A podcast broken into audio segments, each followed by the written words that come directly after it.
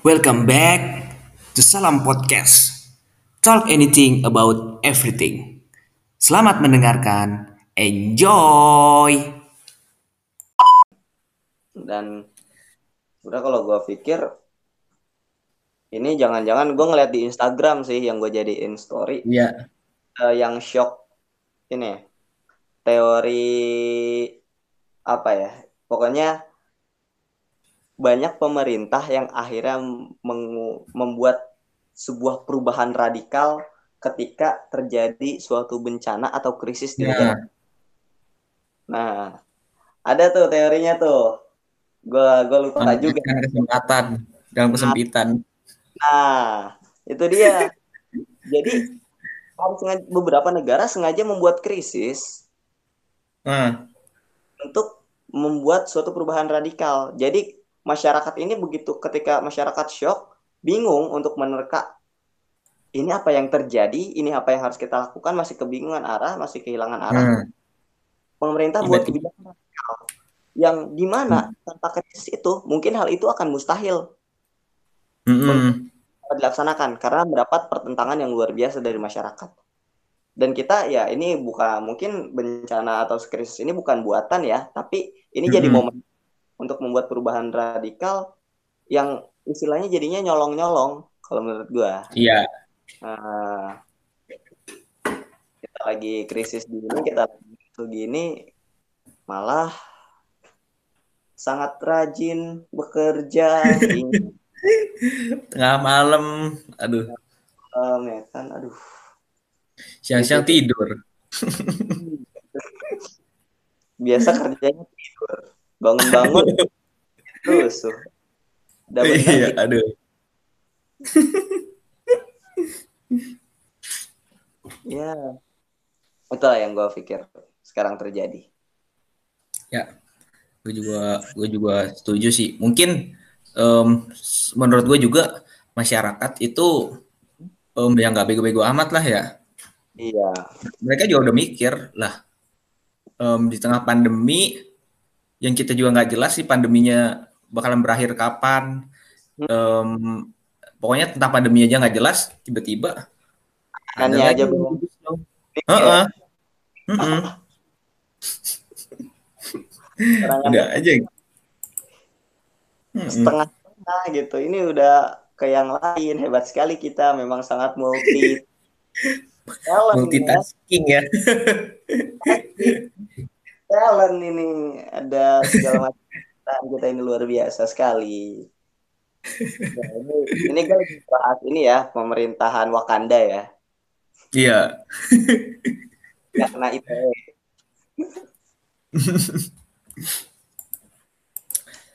Eh, terus ya kalau bicara tentang omnibus law-nya lagi, em, sebenarnya kalau yang setahu lo ya atau yang emang udah beredar lah, apa sih Hmm. sebenarnya yang selain dari kecacatan prosedural dan dan lain-lainnya lah sampai bisa terbentuk isinya. Sekarang dari isinya nih, ini apa aja sih sebenarnya yang kontroversial sampai menuai eh, amarah para buruh, sampai rela-rela turun ke jalan, mogok nasional, juga para aktivis lingkungan.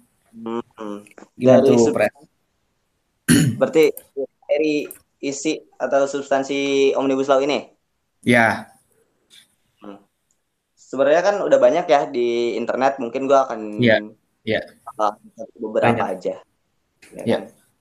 Uh, dan ini sebenarnya lucu juga sih netizen netizen emang uh, keren banget kalau menyuarakan aspirasi. Uh, kita awalnya ada netizen itu bilang bahwa pesangon dihapuskan. Ya, contoh pesangon dihapuskan. Terus sama DPR dibantah. Tuh, bilangnya enggak. Sama, sama, sama presiden itu sama Jokowi. Enggak, gitu kan bilangnya enggak nggak dihapuskan. Mhm. Fak, malah katanya ditambah atau kayak bagaimana gitu ya. Ya, konferensi nah diba- dibantah lagi sama netizen bahwa memang pesangon itu ada. Tapi dari segi tata bahasanya kalau dulu misalnya gue lupa angka persisnya berapa tapi misalnya Mhm. kalau dulu di UU Ketenagakerjaan bilang bahwa pesangon minimal sekian sekian sekian. Ya. Nah, sekarang berubah. Jadi pesangon maksimal sekian. Hmm. Nah, jadi katakanlah kita ambil contoh, misalnya pesangon minimal 19 kali gaji. Hmm. Nah, di, berarti ha, yang paling rendah lu dapatkan pesangon adalah seharga 19 kali gaji lu. Betul kan gitu? Iya. Sekarang bahasanya dia maksimal. Ya, angkanya tinggi. Katakanlah maksimal 32 kali. Tapi kan Hmm. itu maksimal. Kalau gua kalau di undang-undangnya bilang maksimal terus maksimal 32 terus gua ngasih pesangon misalnya ke karyawan gua cuma senilai 10 kali gaji. Nah, Itu salah nggak? enggak lah. Itu dia. Jadi ya permainan kata-kata kan. Ah, ah, benar. Nah, terus ada lagi contoh misalnya tentang ini ya. Hmm, oh ya. Pekerja kontrak. Iya, itu gimana tuh? Untuk pekerja kontrak ini dalam UU Ketenagakerjaan dibatasi pada pekerjaan-pekerjaan tertentu. Artinya nggak semua kerjaan bisa kerja kontrak, cuma beberapa aja. Iya. Sekarang diubah bahwa berbagai jenis pekerjaan ini bisa dilakukan kerja kontrak. Hmm. Nah, artinya kalau gue sebagai pengusaha ya, kalau gue sebagai pengusaha, Iya. kalau gue lebih secara hitung-hitungan kan lebih menguntungkan kalau gue pakai kerja kontrak. Mendingan Iya. gua kalau gue jadi pengusaha ya udah semua karyawan gue gua kerja kontrak aja, nggak usah ada yang karyawan tetap. Nah, Kan gitu, karena udah nggak dibatasi jenis pekerjaan apa pun sekarang bisa kerja kontrak.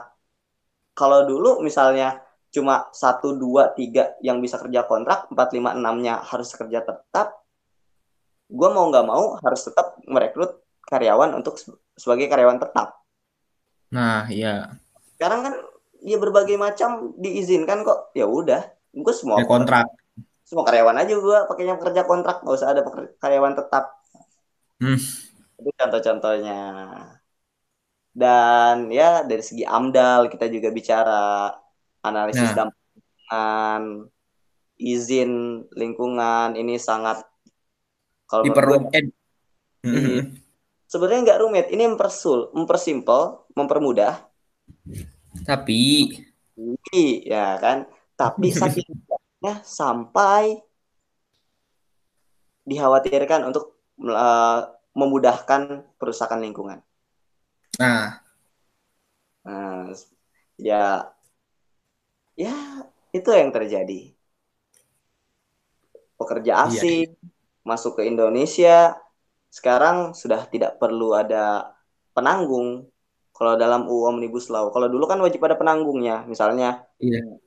te- teman gue orang Cina gitu, misalnya mau masuk gitu ya, mau masuk ke Indonesia buat jadi Iya. karyawan, harus ada penanggungnya siapa gitu. Nah kalau sekarang nggak perlu ada penanggung dan di- mereka Hmm. tidak harus dan tidak terbatas pada jenis pekerjaan tertentu. Kalau dulu di UU Ketenagakerjaan sekali lagi gue bilang karyawan dari luar negeri atau pekerja dari luar negeri ini hanya boleh menempati posisi tertentu.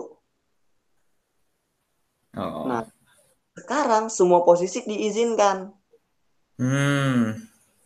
Artinya dari supir pribadi sampai direktur bisa orang luar negeri. Bisa.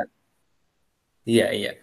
Nah, selanjutnya selain itu juga mereka tidak perlu eh tadi penanggung tadi, mereka cukup surat keterangan eh apa ya? Gue lupa surat keterangan bekerja apa gitu, apa surat keterangan dipekerjakan di perusahaan di Indonesia, mereka udah bisa masuk. Hmm. Nah, kan ini sangat mempermudah. Hmm. Kita Hmm. akan menghadapi yang namanya nanti dem- bonus demografi. Nah, Nah, tenaga kerja kita membludak, sedangkan di negara sendiri kita harus bersaing dengan banyak TKA.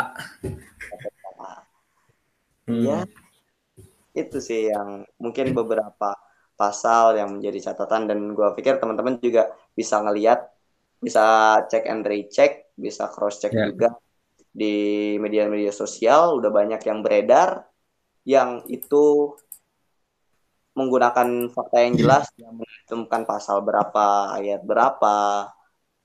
Dan itu gue pikir memang ada beberapa hoax tapi nggak semuanya hoax. Iya.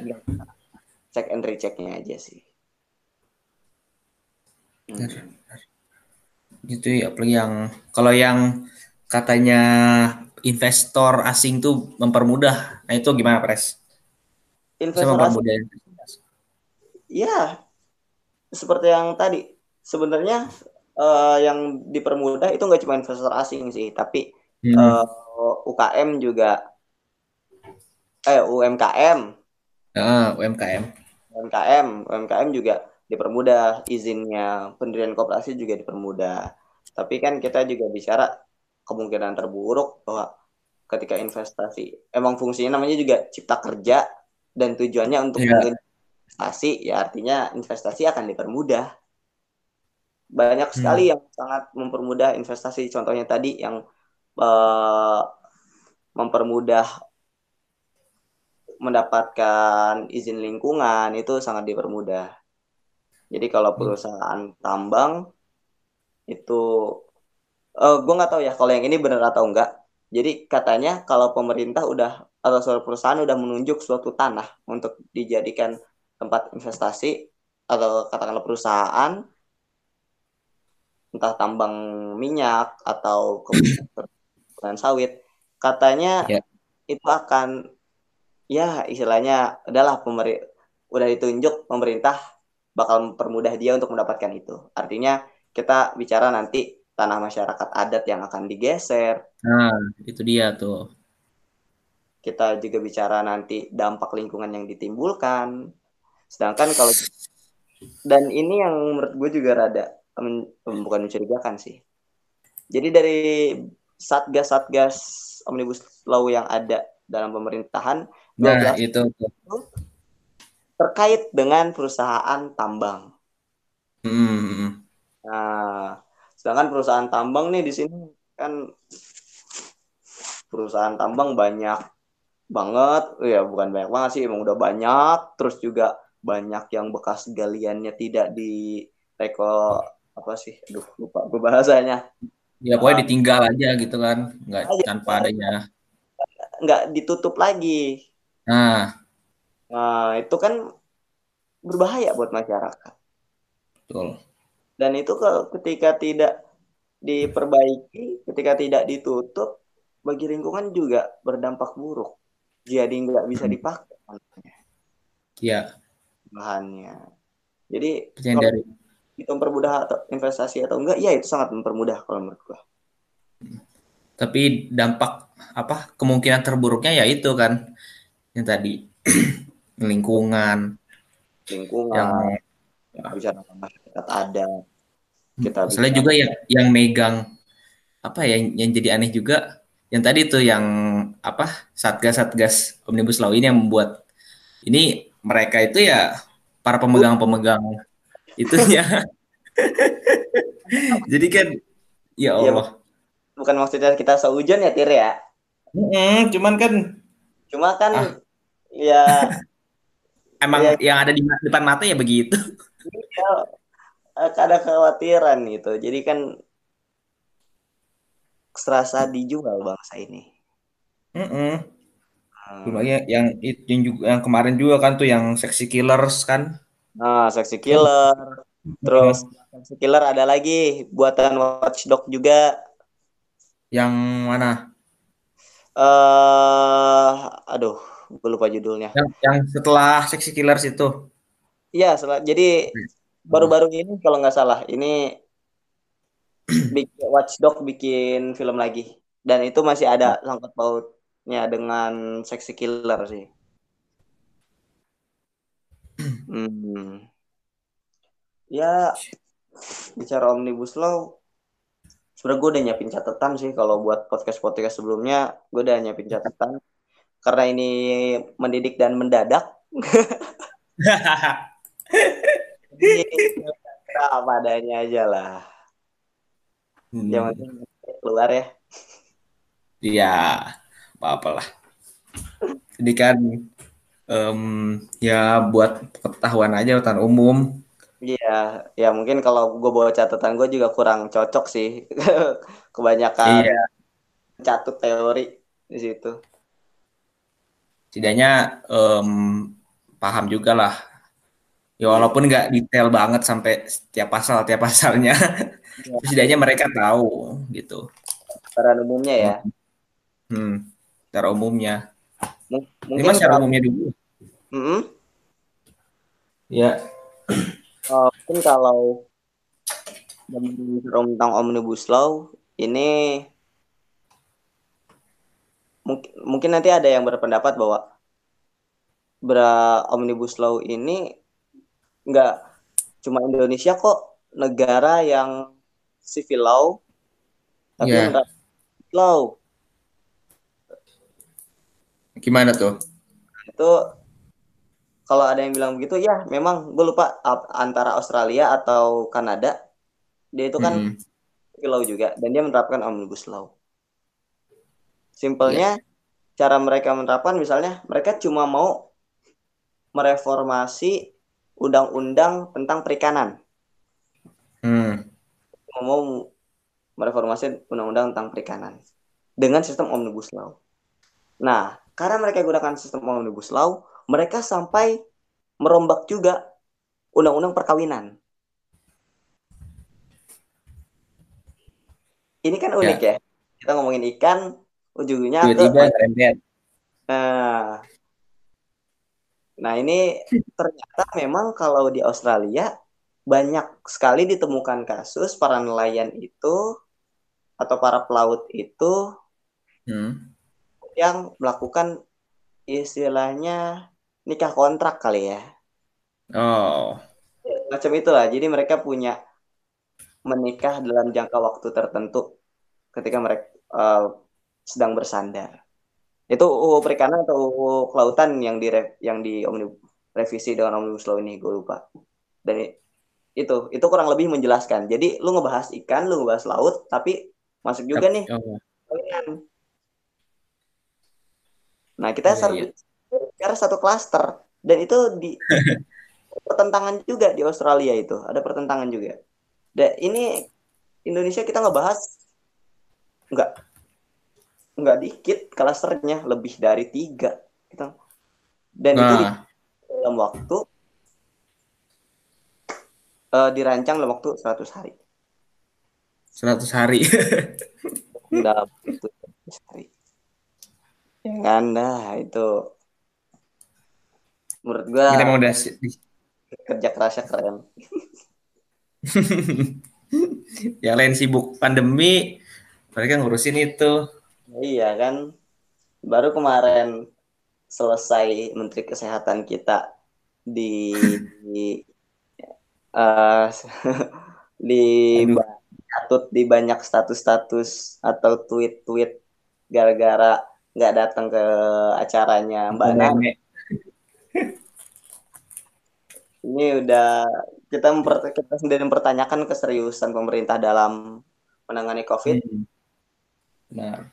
Mereka ternyata lebih serius menangani omnibus law. Ya nggak apa-apa multitasking. Ya nggak apa-apa. Aduh apa tentang omnibus law ini kan hmm? dia 100 hari ya kurang lebih. Iya iya. Sedangkan dari yang gue tahu ya gue ngebaca di lamannya uh, DPR mm -hmm di lamannya lembaga legislatif ini bahwa setiap undang-undang yang dirancang dan diajukan ini harus memiliki naskah akademis. Hmm. Hmm. Kita ambil contoh deh, kita mulai hitung-hitungan. Kalau katakanlah kita kurangin banyak pasal, jadi ya udah kita buletin jadi seribu pasalnya. Iya. Seribu pasal,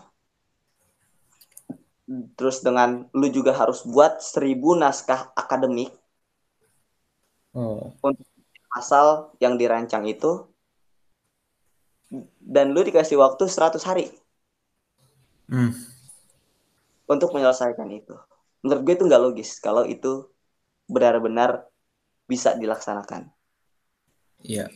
Cuma 100 hari lu dengan naskah akademik ya istilahnya lu mahasiswa bikin skripsi aja butuh ada yang satu semester, ada yang satu tahun. Paling cepet ada waktu itu rekornya tiga bulan. Tiga bulan itu 90 hari. Itu cuma jadi satu. Ini DPR bisa jadi seribu. Cerdas, Kak. Cerdas sekali. nah, mungkin sudah disiapkan jauh-jauh hari. iya gitu kan. Ini keren sekali mereka. Cerdas. Ya, cerdas sih mereka. Se nah, itu sampai bisa membuat naskah akademis untuk seribu pasal dalam waktu 100 hari dengan sudah disidangkan juga. Ya. Keren lah mereka pokoknya. Pokoknya mereka lah mereka doang yang keren. Bang jago pandemi ini berapa hari pandemi? Pandemi ini kan dari awal eh, tahun ya berarti ya kalau di Indonesia ya? Iya sekarang sudah Oktober.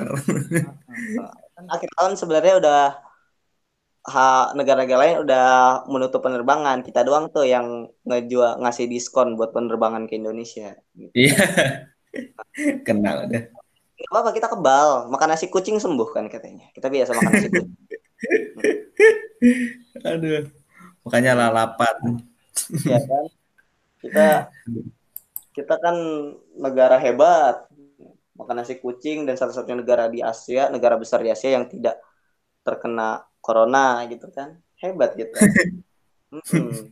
terus begitu udah begini kan akhirnya kita tunjuk-tunjukkan salah-salahan yeah. kita udah salah-salahan rakyat saling tunjuk nyalahin yang keluar buat bekerja yang bekerja juga nggak mau uh, tidak salah karena mereka, juga butuh ya, mereka butuh hidup. nasi butuh makan terus tahu-tahu omnibus law muncul.